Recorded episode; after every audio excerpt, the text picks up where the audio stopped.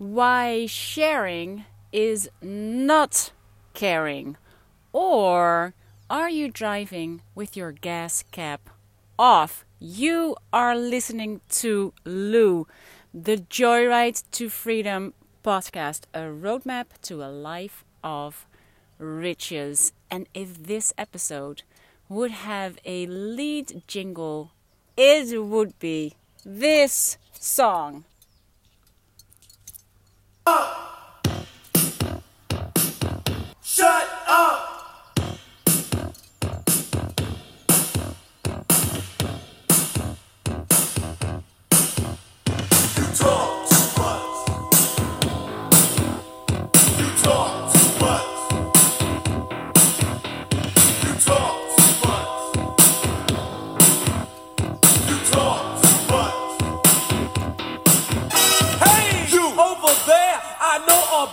your kind. You're like the independent network news on Channel 9. Everywhere that you go, no matter where you are at, I said you talk about this and you talk about that. When the cat took your tongue, I say you took it right back. Your mouth is so big, one bite could kill a Big Mac. You talk too much. You Never shut up. I said you talk too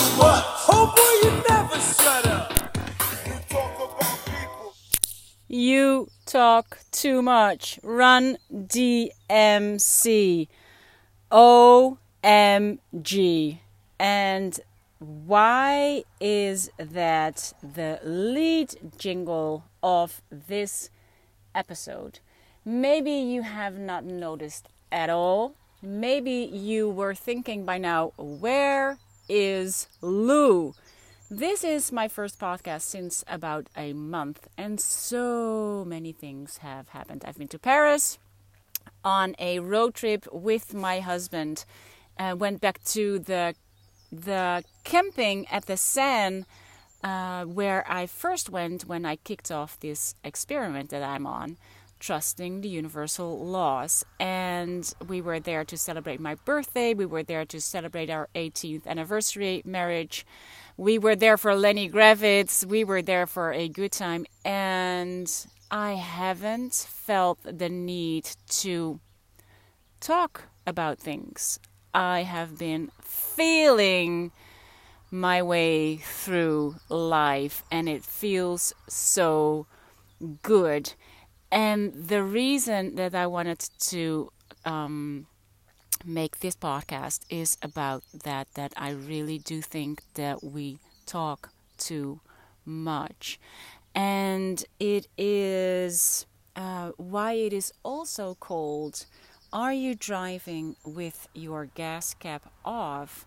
is of course because of the um, in a road trip that I am on. So I'm translating almost everything that I'm learning into how does this um, how does this work for me? And to me, this is like driving around with your gas cap off. And maybe you can hear in the background, I'm sitting actually right now in my camper van. I'm parked out at a lake. Um, my daughter, Yip, and her family are staying with us for about two weeks uh, because of a, remodeling of their home. And um, so I just brought my uh, my granddaughter to school this morning. I drove down to this lake to work in the morning, and then I will pick her up again and go back home to the houseboat. And um, this is the perfect time. This is actually also uh, the one of the first times that I have time by myself. So this is also, of course, a reason that it's easier to uh, record a episode than when you're with seven people in a houseboat. Anyways, the question is Are you driving with your gas cap off? Are you sharing because of the sharing? Are you talking because of the talking? Are you online all the time? We, of course, all the time hear the uh, saying, sharing is caring but it's not necessarily true for you. Are you sharing because you feel the need to share something. I heard something wonderful the other day. I am, um, uh, who I'm not sure who said it, but she said, if you don't have anything useful to say, something that somebody can learn something from, um, you're spamming. So, yeah, um, I can relate to that. We're spamming all over social media, all over everywhere uh, emails, um, podcasts, things that we get to talk and share ourselves. But if we overshare and if we share everything we think or do, then we are actually spamming. And um, for me, this relates to am I driving with my gas cap off? Yeah, oh, yeah, this is what I wanted to say. If you hear like cars driving by, um, that is because I am close to the highway. Um, if you are driving with your gas cap off, everything evaporates. And also, you are kind of like diluting it with carbon dioxide. We are so used, we, because we share instantly what we think, what we do online. You're doing something, take a picture, share it. You're thinking something, write a tweet, share it. We are continuously sharing our inner world with the outside world straight away. But that is driving with the gas cap off. What you really want to do is drive with the gas cap on so you have the fuel for you to get yourself forward, to get yourself in motion, to get yourself moving. Because what happens most of the time when we do that, we think something, we share it. We see something, we share it. We're not in the moment any longer. I remember this so vividly. I think uh, I am I've like committed social suicide about a year ago or longer than a year ago. And when I used to go on an artist date, I would share immediately on Instagram mostly where I was um, where I was at, what I was seeing, how inspired I felt. But did I really? Yes, I felt inspired. And then I took the picture and then I shared the picture and then inspiration evaporated and I was at my phone looking at who else would like where I was at, would like my creative artistic life, like being on an artist date on broad daylight. And the whole, uh, the rest of the world is working, but I'm not. I am here at this gallery or at this museum and I am having such a good time.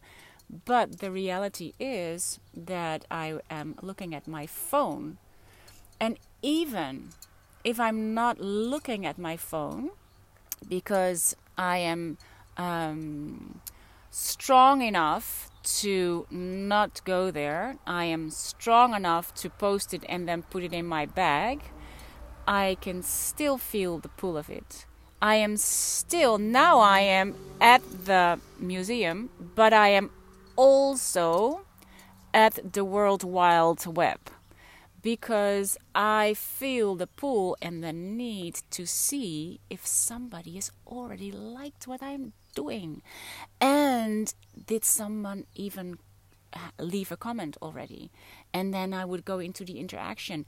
Even though I would not be in the interaction on social media itself, I would still be interacting from where I was to where I showed where I was or I was um, writing captions in my head to even if I wouldn't post it straight away, I would see something and write captions in my head to go with the post later.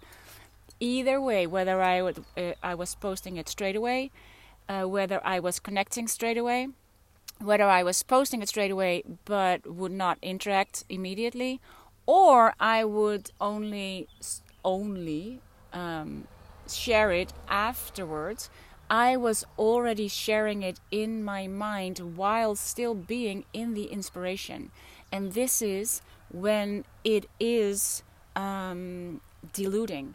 It is diluting the experience.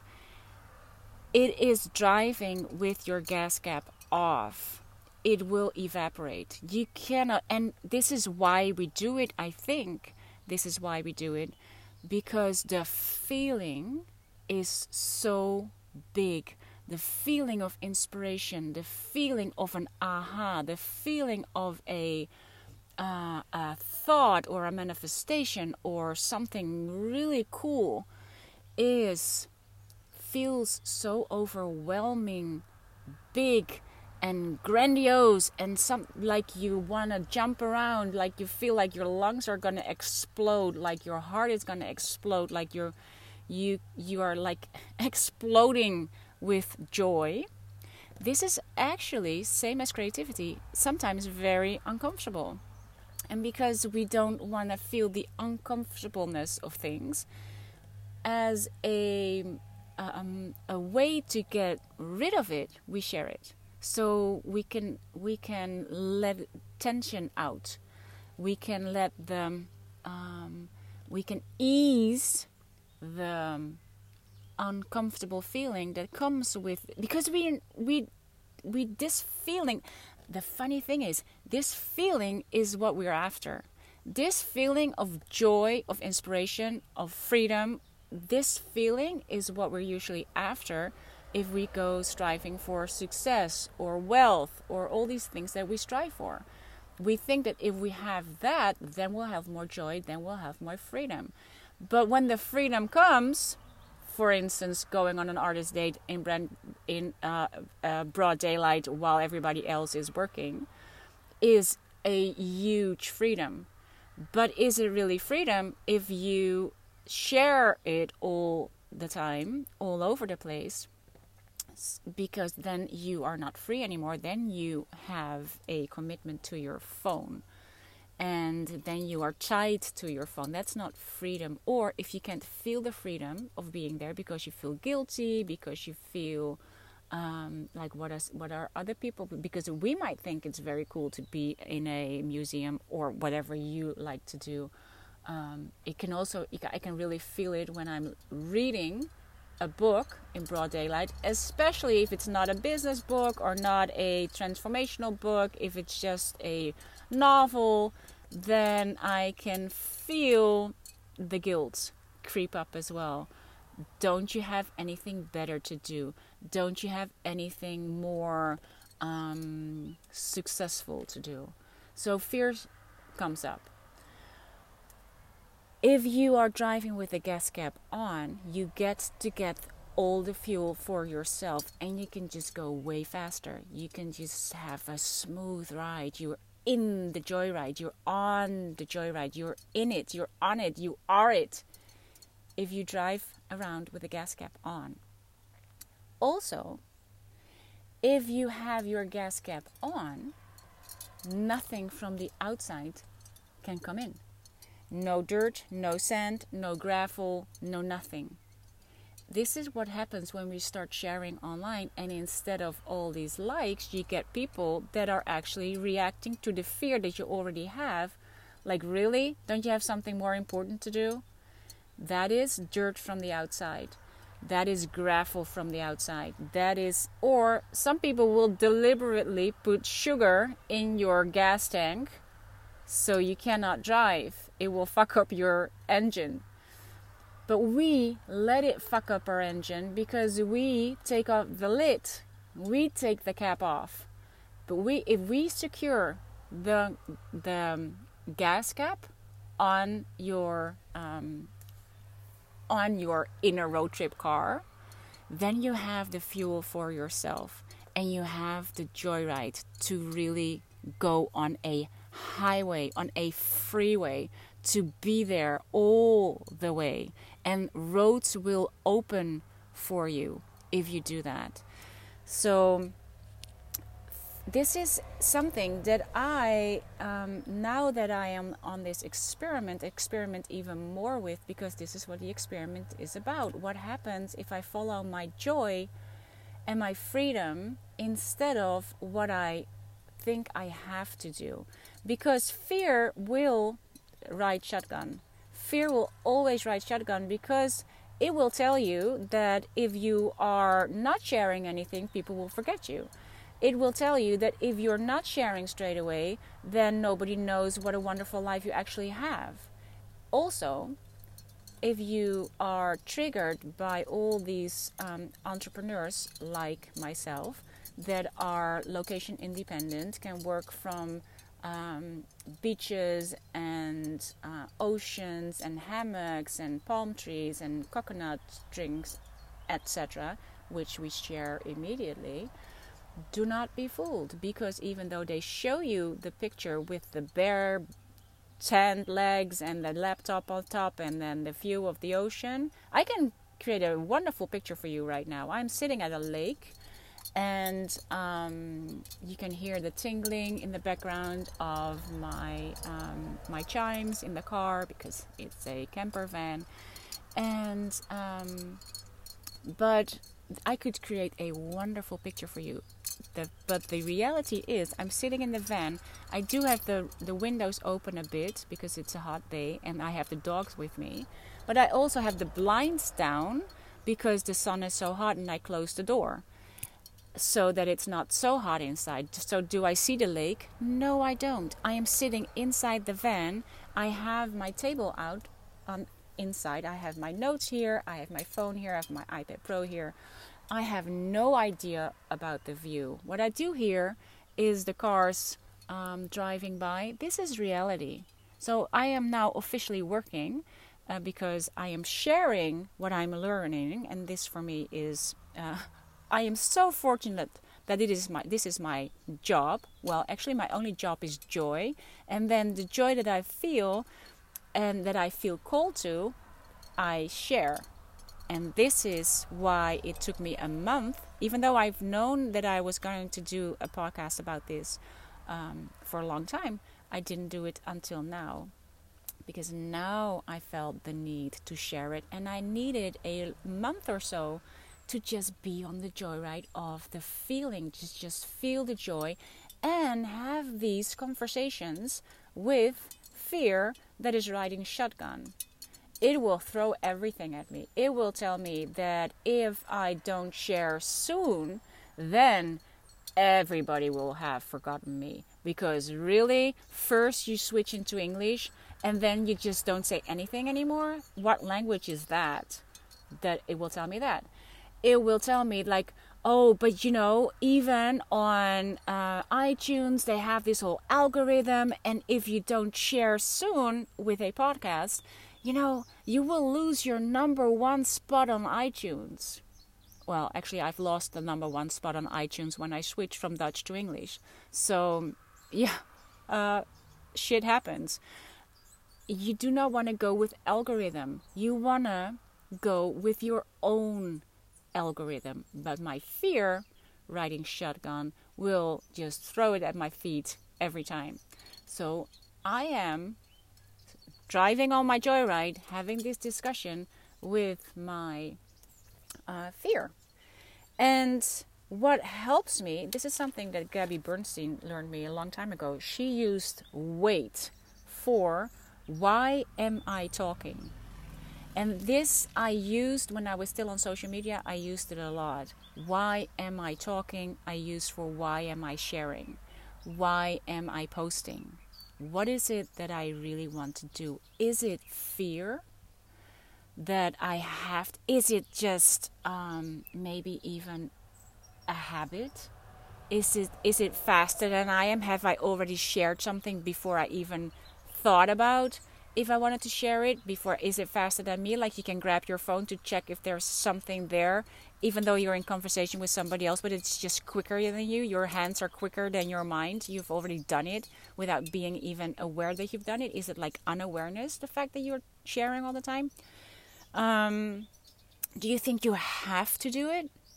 because it comes with a job, because um, it is something that everybody else is doing? Is it fear that your competition, quote unquote, is getting ahead of you?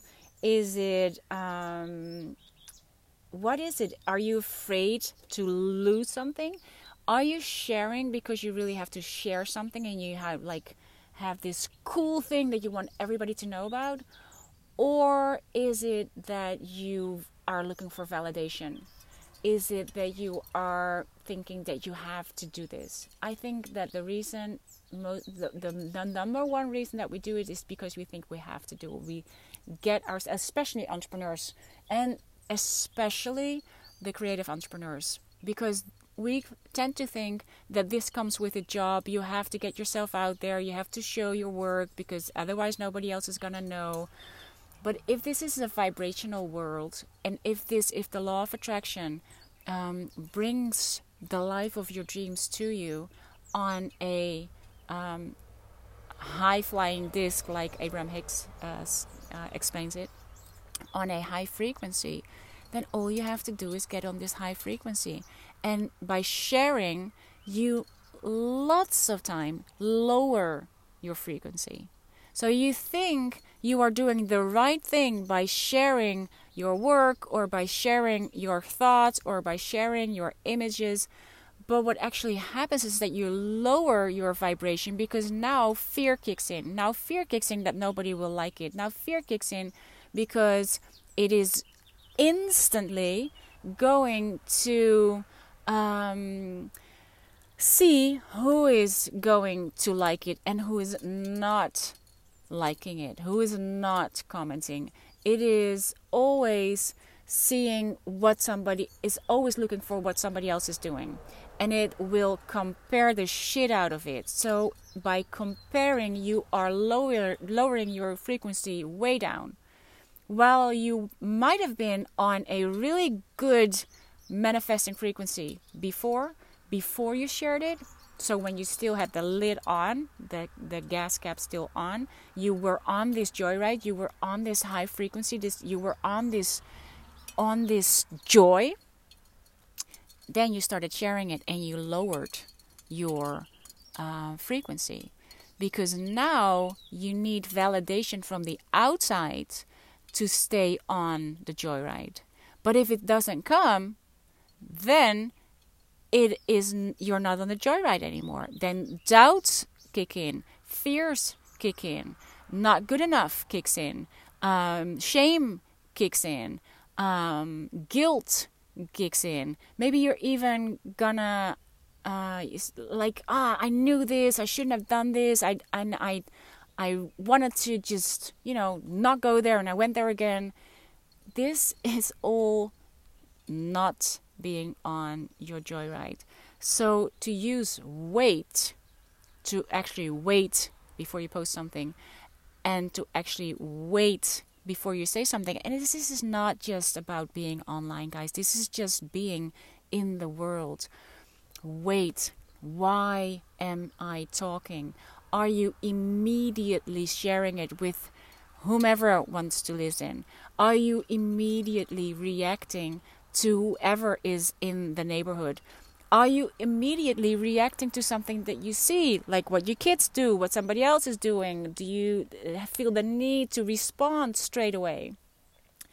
And um, this really helped me uh, to wait and ask myself, why am I talking? And if I do that, it can happen that I'm not talking for about a month before I do another podcast, before I do another blog post, before I send out another email. Consistency, yeah, it probably works. And I've been taught consistency absolutely in B school. Marie Forleo is really, when hell freezes over, you just get yourself out there. But it has to be a fit for you, and you have to make sure that if you do it, it comes from a place of joy and not a place of fear. And um, it is something that when especially now that I am way more in connection with my younger self, with Charlie. I've even um, got myself or my younger self the six books of the Sullivan twins, I think you call them in English. They were my all time favorite books to read when I was younger. Endlessly, endlessly, endlessly. And now I've bought them um, online with the original covers that really sparked my joy big time. So now that I am way more in in a, a grounded connection with her, she gets way more um, uh, room to play. And um, when I was, I would guess about six or seven, we had this. It was a Swedish TV series. And it was about a girl and she looked like me. And they she was always together with a friend. And they had a white stone.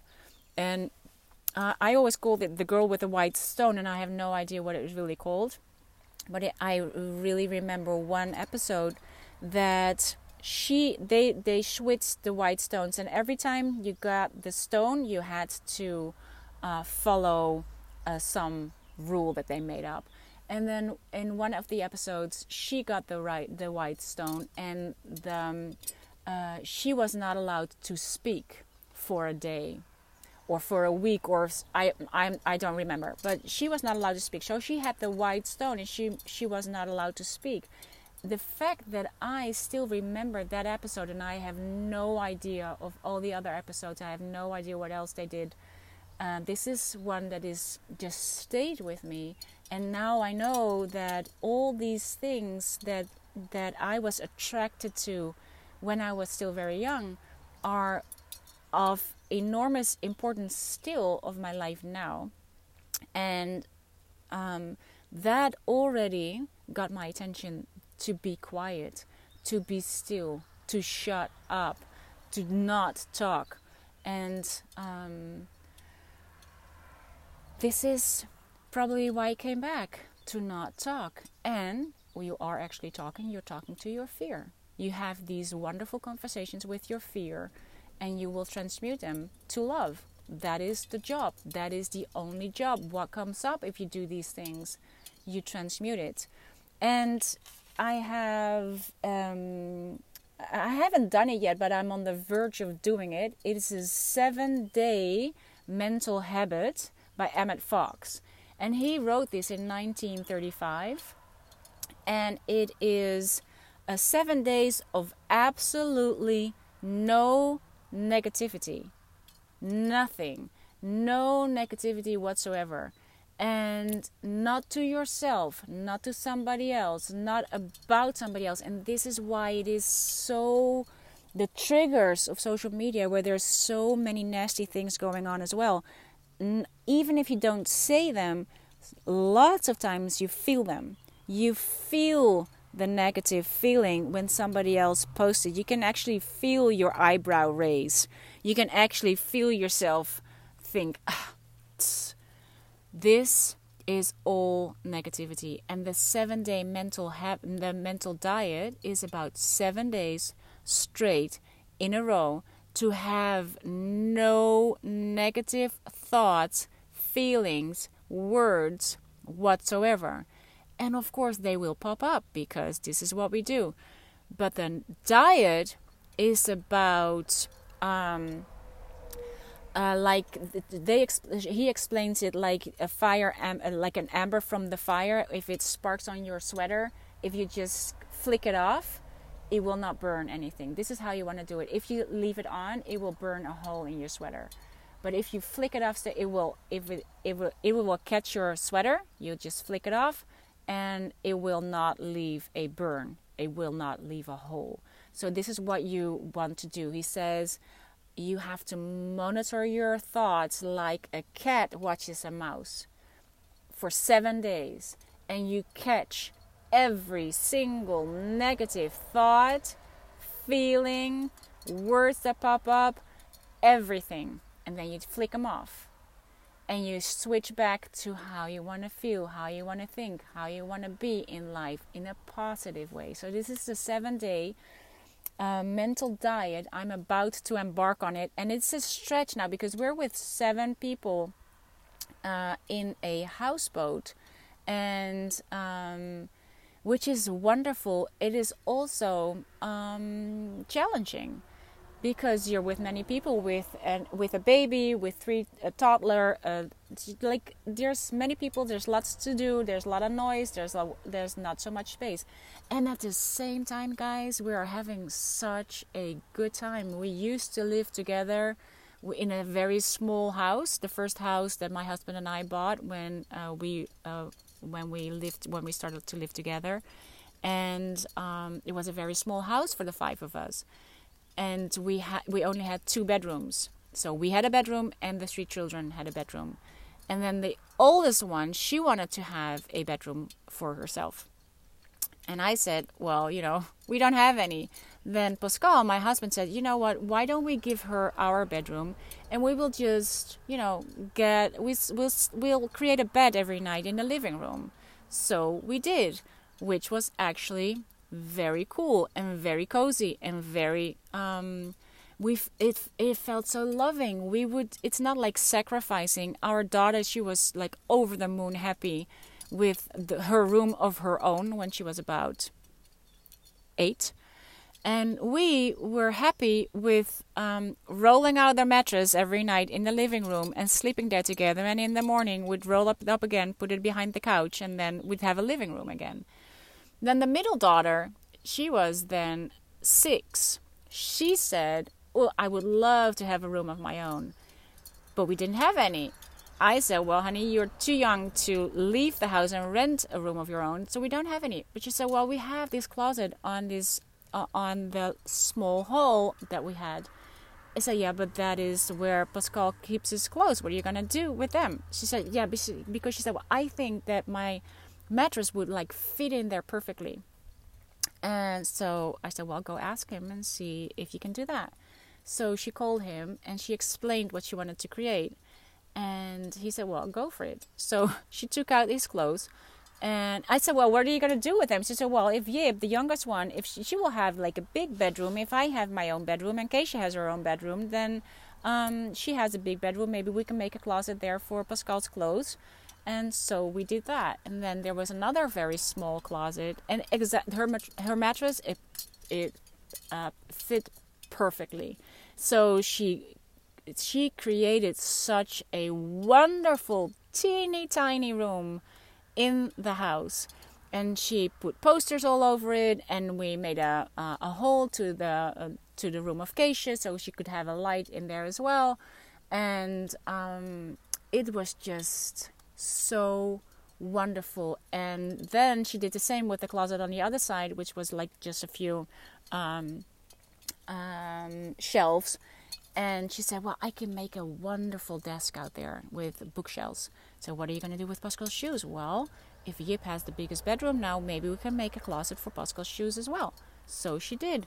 And she made this cute little desk with um, uh, like a little desk chair and she she took out a, the the shelves that were the lowest, put there a little chair, and then she had this desk.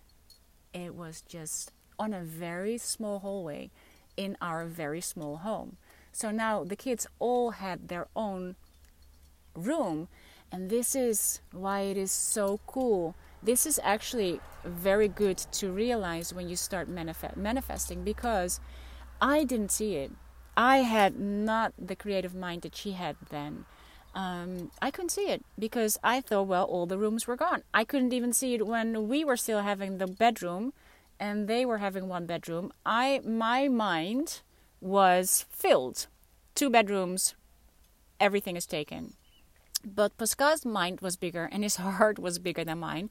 So that's cleared up one bedroom.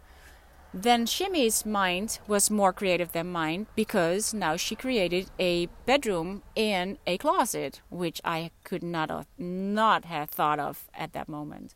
Now I do because she showed me. This is actually how the universe fills in our desires that we can see because we have the all the bedrooms are taken. There are no more bedrooms, so no can do. But yeah can do universe has the same creative mind as my husband and my daughter, it can fill up spaces that we haven't even thought of. So, in this really teeny tiny house that we lived in then, now our houseboat, after selling the family home, like everybody left, everybody's left the building, and but now with seven persons on a houseboat, uh, we are kind of like in the same situation. We gave my daughter and her husband and their and their baby our bedroom. Uh, the other two the children have a bedroom in our houseboat, and we made beds in the living room and so we're like reliving the way we started 20 years ago and uh, but we were lying in bed totally happy and totally content and I said to Pascal, "So wow, we've really come come a long way because now we can hear the sound of the dishwasher. Back then, we had to make sure we'd done the dishes if we didn't want to sleep in a smelly uh, environment. So we laughed about it, and it was so but it felt so good and it felt so cozy and it felt so loving and it felt so it's n- it's not a sacrifice if you if you give up something for somebody else. It is an act of love and it's an act of kindness and it's an act and it gives you the joy. So and so we're like reliving the early days and now that they're there all the time pascal uh, created a tree house yesterday with the children. It's just, you know, it is good enough. If I if I feel like I ha- I haven't shared my journal on Pinterest for a while, I think maybe even months. I have the only thing where I am at is at the Magical Manifesting Motel masterclasses every Friday. That is where I'm at. This is that is where I share with my dear uh, motel guests where I, what I'm doing, where I'm at. They, that is where they share. They ask their questions. This, it, this is in Dutch, uh, where they ask their questions. We go into depth with where we are at and what we can do. It gives me tremendous joy. And then the rest of the week, I am creating notes for my book. I am drawing. I am having a good time with my children and my grandchildren. I am camping out. I am going for long walks with the dogs. I am listening to to books. I'm reading books. Guys, this is the life. This is A, the writer's life, B, the reader's life, um, C, the family life. All these things that I am after. This is my joy. This is my freedom. It is all there for grabs, for the taking. And we I have to say, I, and this is also what the law of attraction does, it will get a grip on it every time when fear is riding shotgun on my joyride, telling me that this cannot make me money. I have to get there. I have to get myself out there. I cannot wait for a bestseller to um, to pay the mortgage. I cannot wait for. Well, I can't wait. I can wait. Fear you wait. Um, because if I act out of fear, if I listen to fear and I, I'll act out of fear and share with the world that I think is waiting for my information, um, because that is actually not true. Because if fear is running the show, it's not for the world, it's for you. If fear is getting yourself out there, it's not for the world, it is for you because you are afraid, and I am talking to me now, uh, that I won't make any money, that I won't have a business, that I will be forgotten. And fear will roar its ugly head because uh, I have pulled the plug from my business, I have committed social suicide. It is roaring its ugly head all the time because it still thinks that I need all that to be successful. But if I feel my life, my succulent, simple life on a houseboat with kids and grandkids and dogs and joy and creativity, then how much more do we need? And we found this week we were looking for pictures. We were going on this um, trip down memory lane, and we found a booklet that Pascal made um, in 2000 when I went to Hawaii on a trip with my sister, and the, he was there with the kids, and he created a uh, logbook for me to tell me what happened with the kids these 10 days.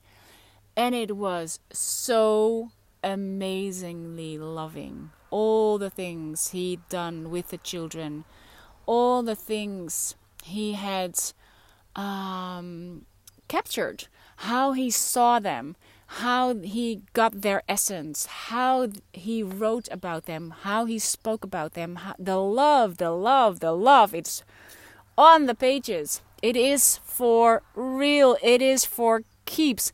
He took time off of his busy work to be with the children for 10 days so that I could go to Hawaii. And he did it together with my ex husband, who is the official father to my children. And um, the love of both of them for giving me the space to go there, to take care of these children. Guys, your children, if you have children and you are also striving for a business, please reconsider why you are doing that because most of the time we think that if we have the business and the income and the money that we do it for the children but they don't need anything but the love and attention i can see it again firsthand with my grandchildren here all day every day now these 2 weeks. I can see the joy from creating from nothing build a treehouse be there. We had our breakfast there this morning. They are inviting us for tea. The, it is just magical. Do we need millions for that? No way. We do not. We do not even we don't need six or seven figure businesses to do that. We need time. And if you do want to share share your times with the ones that you love, with the ones who will be truly touched. If you take the time to eat, and even more if you take the time to capture it and write it down. My daughter was in tears when she read when her father wrote about her, her stepfather in this case, wrote about her when she was three how he saw who she is, who she still is, and he saw it back then. And she was so touched because she said, I know he loves me dearly. I know it. I feel it. I know it. But the fact that he wrote that down when when that this is when we just started living together.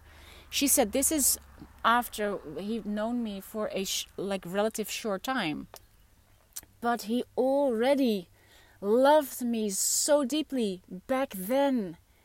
And knowing that and how he saw me when I was so small, how he saw through me, how he saw who I am in essence, she was in tears.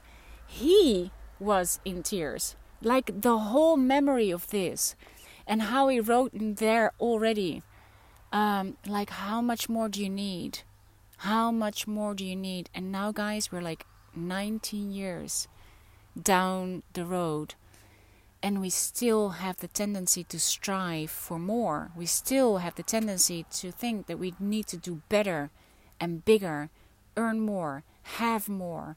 And we've had it all. We've had the big houses. We have the we've had the porsches. We've had it all. Now we're back at the houseboat now we're back in the joy. Now we're back in the family life. Now we're back in smaller salaries, in in less money. Does it make a difference? It does not make any difference. It does not make any difference. I have when I was younger as a model, I had I've made so much money. Does it make any difference?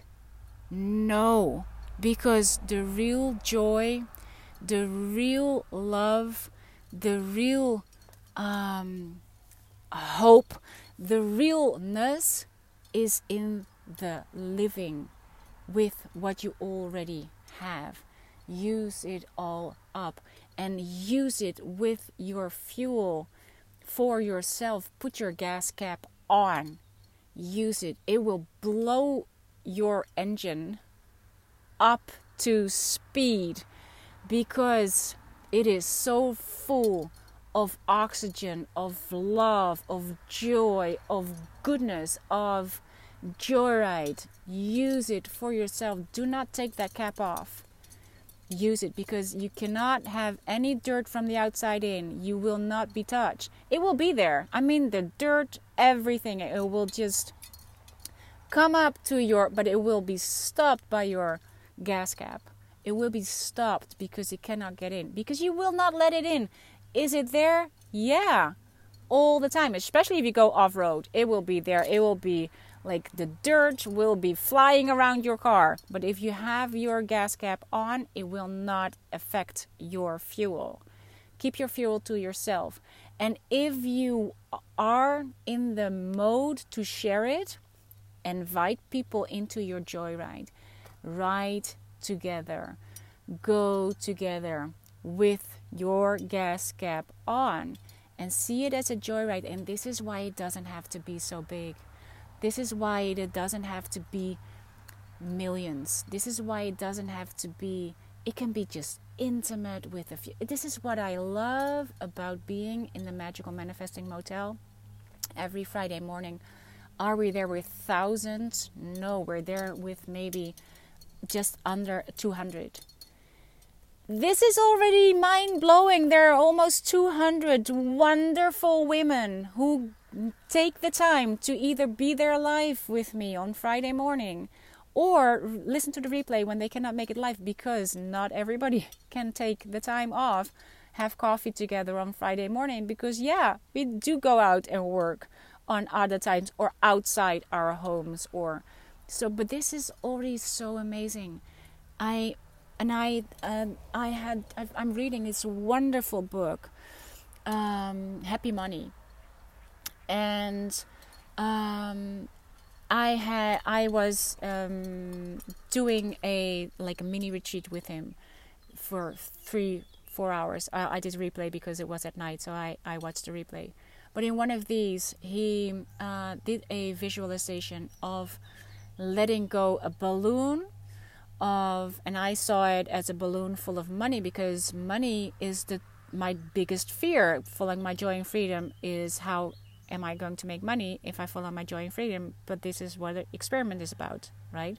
So um, by letting go of the he sees it as a balloon. He said see it as a balloon. So I put all like the seven figure business in the balloon as you can feel it pull. And let it go. Now let it go. So you let it go. I let it go. And he said and then feel in your pocket and feel like there is a gold coin in there in your pocket. And you can hear it here. Can you hear it? I have actually two golden coins which are not actually gold. But um, he said reach into your pocket, feel a golden coin. This is what you already have on you. Now put the, go- the coin, the golden coin, on your heart, take it in, and let that be the magnet to your true wealth. And it spoke to me so deeply. This is what I created the Money, Meaning, and Miracles Crash Course for two years ago. And um, I really felt that same feeling again of sufficiency, of enoughness, of um, good enough, enough, enough, enough. And so I went to I have a gold a golden coin which is not actually gold but it's it my daughters gave it to me it's part of a necklace and one side says carpe diem and the other side says, Live the life you love, love the life you live. Because they thought that was totally me, and I love them deeply. The other one is a, lot, is a little bit bigger coin, and it is um, a coin of Joshua Tree Park, Joshua Tree National Park.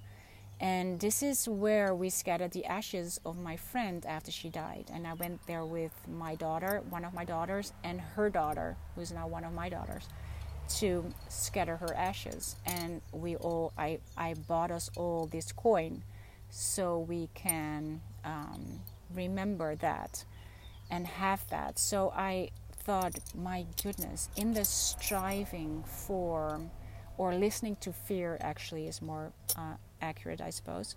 In the striving, we forget what we really think is very important. So now I'm having these two coins in my pocket the one for my daughters, live the life you love, love the life you live, carpe diem, and the one of my friends just to remind me how fragile we are. How, um, if if you have, I know for sure that my family is the most important thing to me. Your children, my children, only have one youth. It is up to me to make it memorable. The same goes for my grandchildren. But if I let myself, if I let fear, I start choosing striving over living with them. I choose striving for, uh, or I choose sharing, being all over the place, even if I am with them. I'm not with them because I am somewhere else. So, in the being together, if you do want to share, share it with the ones that you love. Share it with the ones, take them for a joyride with your gas cap on. So, for this, um, I was going to say week, but I have no idea when the next episode will, uh, I will record the next episode, but I will leave you with an experiment, with a roadmap to your joyride to try try it on for size. Try it on for size. What happens if you don't share? What happens if you don't share online? What happens if you do the wait? Why am I talking? And you find out that actually you are about to share because you uh, come out of fear. Can you then not share? Because sometimes we still share, even though we know. We still share, yeah, but I have to. So I will. And I have to can be either I have to because it is expected of me, or I have to because I have this urge and I cannot hold back. Um, what happens if you do wait? You will feel very uncomfortable in the beginning. Try it for a day, try it for a weekend to go offline. Take one day a week to go offline and not share and see what happens inside. Fear will be riding shotgun for a long time. It takes longer than one day to not feel the need to go there all the time. But try it with half a day, try it for an hour, try it. What happens if you wait and do not share? Not share your thoughts immediately, not share your enthusiasm immediately, not share your insights immediately, not share your um, ahas immediately, not share the beauty immediately, not share immediately, not share, not share. What happens if you wait? Sharing is not necessarily necessarily caring. Not sharing might be caring for you. Signing off. Lou to you. You have enough. You do enough. You are enough. You are. Bye.